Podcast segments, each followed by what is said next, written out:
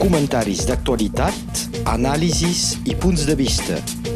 La crònica d'opinió amb l'advocat Pere Beca. Tenim amb nosaltres eh, Pere Beca. Bon dia. Bon dia. Avui hem de parlar d'aquestes eleccions departamentals eh, parcials que van tenir lloc eh, diumenge. I ens eh, podeu recordar i explicar com es va fer aquesta entrada de Louis Alliot al Consell Departamental? Doncs, de fet, eh, hi ha diverses, eh, diverses coses, diverses causes que han pogut jugar. Hi ha una primera evidència, és que tot plegat, entre el dos, eh, les dues voltes de l'elecció, s'han presentat com a màxim 23,6% de votants, és a dir, molt, molt poc. Eh, és potser un dels més baixos que s'hagi més presentat al departament. Eh, és un nivell que correspon més o menys al nivell de les eleccions americanes i ja veiem que, que pot eh, tenir com resultat aquesta desafecció total. I, evidentment, com el Rassemblement Nacional ha sigut més mobilitzador, encara que sembli que sobre la ciutat de Perpinyà hi ha, hi ha hagut un petit percentatge respecte al poble de Canus, el poble Canus, el, el Vall era candidat, doncs, eh, bueno, no, no és una, una elecció que tingui una conseqüència política forta a nivell de participacions. Per altra part, és eh, eh la dificultat lligada també eh, a les candidatures que hi havia. El candidat oposat a, a Louis Alliot era el Batlle de Canus, el Chambó, del qual la, la carrera política és una mica difícil de seguir perquè inicialment havia sigut votat com candidat de la majoria departamental, com candidat socialista, després es va treure els socialistes, va fer aliança amb la, la dreta clàssica, amb la Cristina Gavaldà Montbolanat a les anteriors eleccions, després sembla que no s'hagin posat d'acord i al final es troba amb una, el seu binom, l'altra candidata, que era més centrista i, i de l'equip de l'anterior Batlle de Perpinyà. És a dir, que això dona una, un aspecte de confusió i s'hi afegeix d'aquesta confusió la falta de cohesió de les esquerres, perquè el Matías Blanc, que era el candidat que fins ara havia sigut votat, eh, no ha tingut realment un apoyo de tots els partits d'esquerra i s'ha trobat eh, eh, aïllat inclús de cara al seu propi moviment, un moviment socialista que ja se sap, de, des de la desaparició del Christian Bourquet, no hi ha un, un lideratge molt net. I, de fet, eh, sembla que globalment els polítics departamentals eh, no tinguin el lideratge que eh, anys enrere ens queixaven que potser sempre eren els mateixos, però almenys hi havia un lideratge, hi havia una decisió. Ara em sembla que cadascú vagi per la seva. Quines poden ser les conseqüències eh, per la política departamental del fet que l'ERN entri en aquesta assemblea departamental? Doncs aquí immediatament molt poques conseqüències, ja que l'ERN només té un escó, i que no canvia la majoria departamental que queda a mans eh, del de, eh, grup al voltant d'Hermelino Maler, doncs un grup antigament socialista, i que doncs la política departamental, que ja està en plaça de més de 20 anys amb aquest grup socialista, m'imagino que canviarà molt poc. El que sí que canvia és que eh, aquesta elecció posa en evidència eh, que d'una part la desagregació de l'esquerra, eh, la falta de líders d'esquerra, la desaparició d'un candidat que podia ser un eh, possible renovament de l'esquerra, el mateix Matías Blanc, que tenia objectius municipals, i segona, i potser més que això, l'admissibilitat de la presència del Rassemblement Nacional a totes les institucions. Ja ho sabem, el Rassemblement Nacional eh, té al capdavant de l'Ajuntament de Perpinyà, té quatre diputades sobre el departament, amb circumstàncies que es podien discutir, però de fet això numèricament són quatre diputades, i ara la presència al Consell Departamental.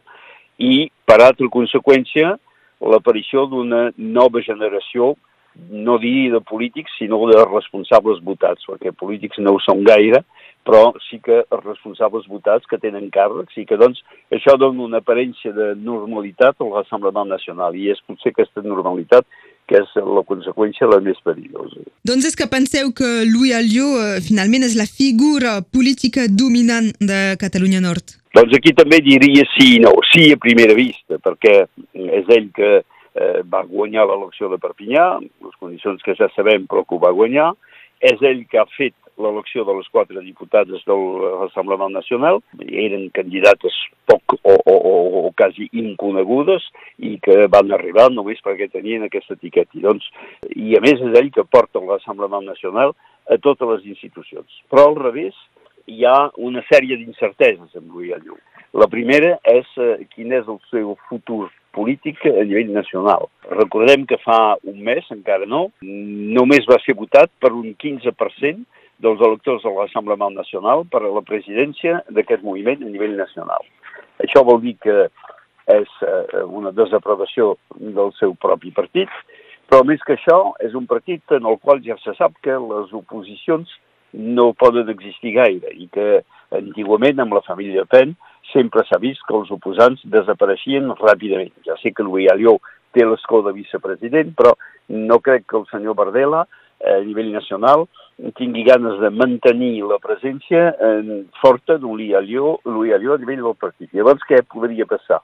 Podria passar que el partit li tallés una mica les ales, no li donés la possibilitat d'expressar-se i que ell tingui la tentació de recentrar-se d'alguna manera, ja que Jordan Bardella presentava la tendència més dretana de l'Assemblea Nacional i que ell faci el que des de que ha sigut candidat a Perpinyà eh, sempre ha estat fent, és a dir, explicar que banalitzar la seva, la seva posició i explicar que no era tan dretà que això. I això tindria per conseqüència potser d'obligar-lo o a crear un propi moviment eh, integrat a l'Assemblement Nacional, però ja he dit que aquest partit no li agrada massa aquest, eh, aquest aspecte de tendències, o potser fins i tot anar a integrar un moviment pròxim, estic pensant, per exemple, el moviment del senyor Dupont-Aignan, eh, eh, que seria un moviment de dretes, clarament de dretes, però no tan afirmat potser com l'Assemblement Nacional. Això és una possibilitat. L'altre aspecte que dona incertesa mm, eh, al futur de Lió és eh, els seus resultats concrets de gestió.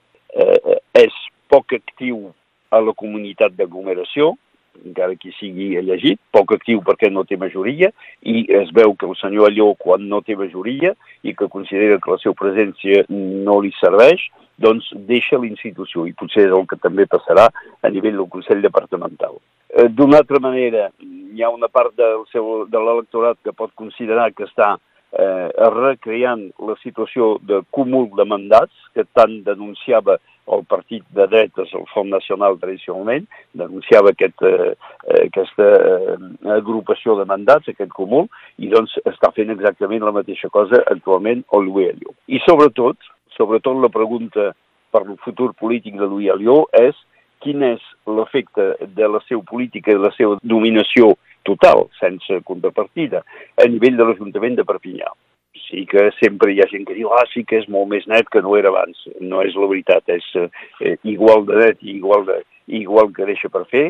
Els grans projectes eh, són absents, eh, ha anat acabant una sèrie de projectes que ja havien sigut preparats i començats, o per almenys previstos, per al precedent municipi, doncs això ho va acabant, però no es veu que hi hagi un gran projecte perquè un gran projecte necessita sobretot un equip i un treball i que es constata que l'equip de eh, Louis Alió a nivell de, de l'Ajuntament de Perpinyà queda molt reduït. Es sent molt poc a parlar del primer juny, que representava la tendència burgesa de l'Ajuntament de Perpinyà, es sent molt, molt poc a parlar de la majoria eh, dels adjunts i eh, dels quals eh, algunes, les que han sigut votades com diputades, han hagut de deixar el càrrec. És a dir, que tot es concentra en mans de Louis Alió i, diguem-ho, sembla que Louis Alió no domini totalment eh, els dossiers de gestió de l'Ajuntament i la possibilitat dels grans projectes. I l'última cosa, i que potser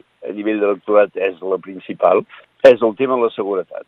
Louis Alió des del primer dia va dir que això era l'objectiu principal del seu mandat i es va guardar per ell mateix el càrrec de control de la seguretat.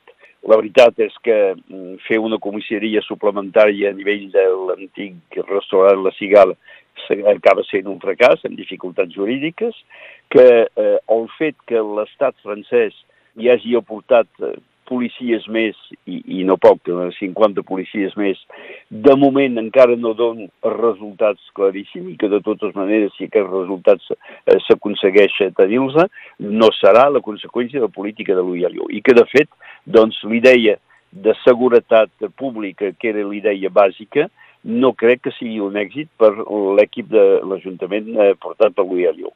I això, potser en un primer moment no es veu clarament, però sí que hi haurà un moment que la gent ho, ho trobarà i que la gent en tirarà les conseqüències. L'única pregunta és qui té la capacitat d'agrupar les oposicions, que sigui a l'esquerra tradicional o que sigui a la dreta també tradicional, no es veu de moment sortir cap personalitat suficientment significant perquè es pugui esperar ràpidament una oposició constructiva i una possibilitat d'alternància al govern de l'Ajuntament de Perpinyà. L'anàlisi de l'entrada de l'UALIO al Consell Departamental avui amb en Pere Beca. Moltes gràcies. Gràcies i gràcies als oients per la seva fidelitat.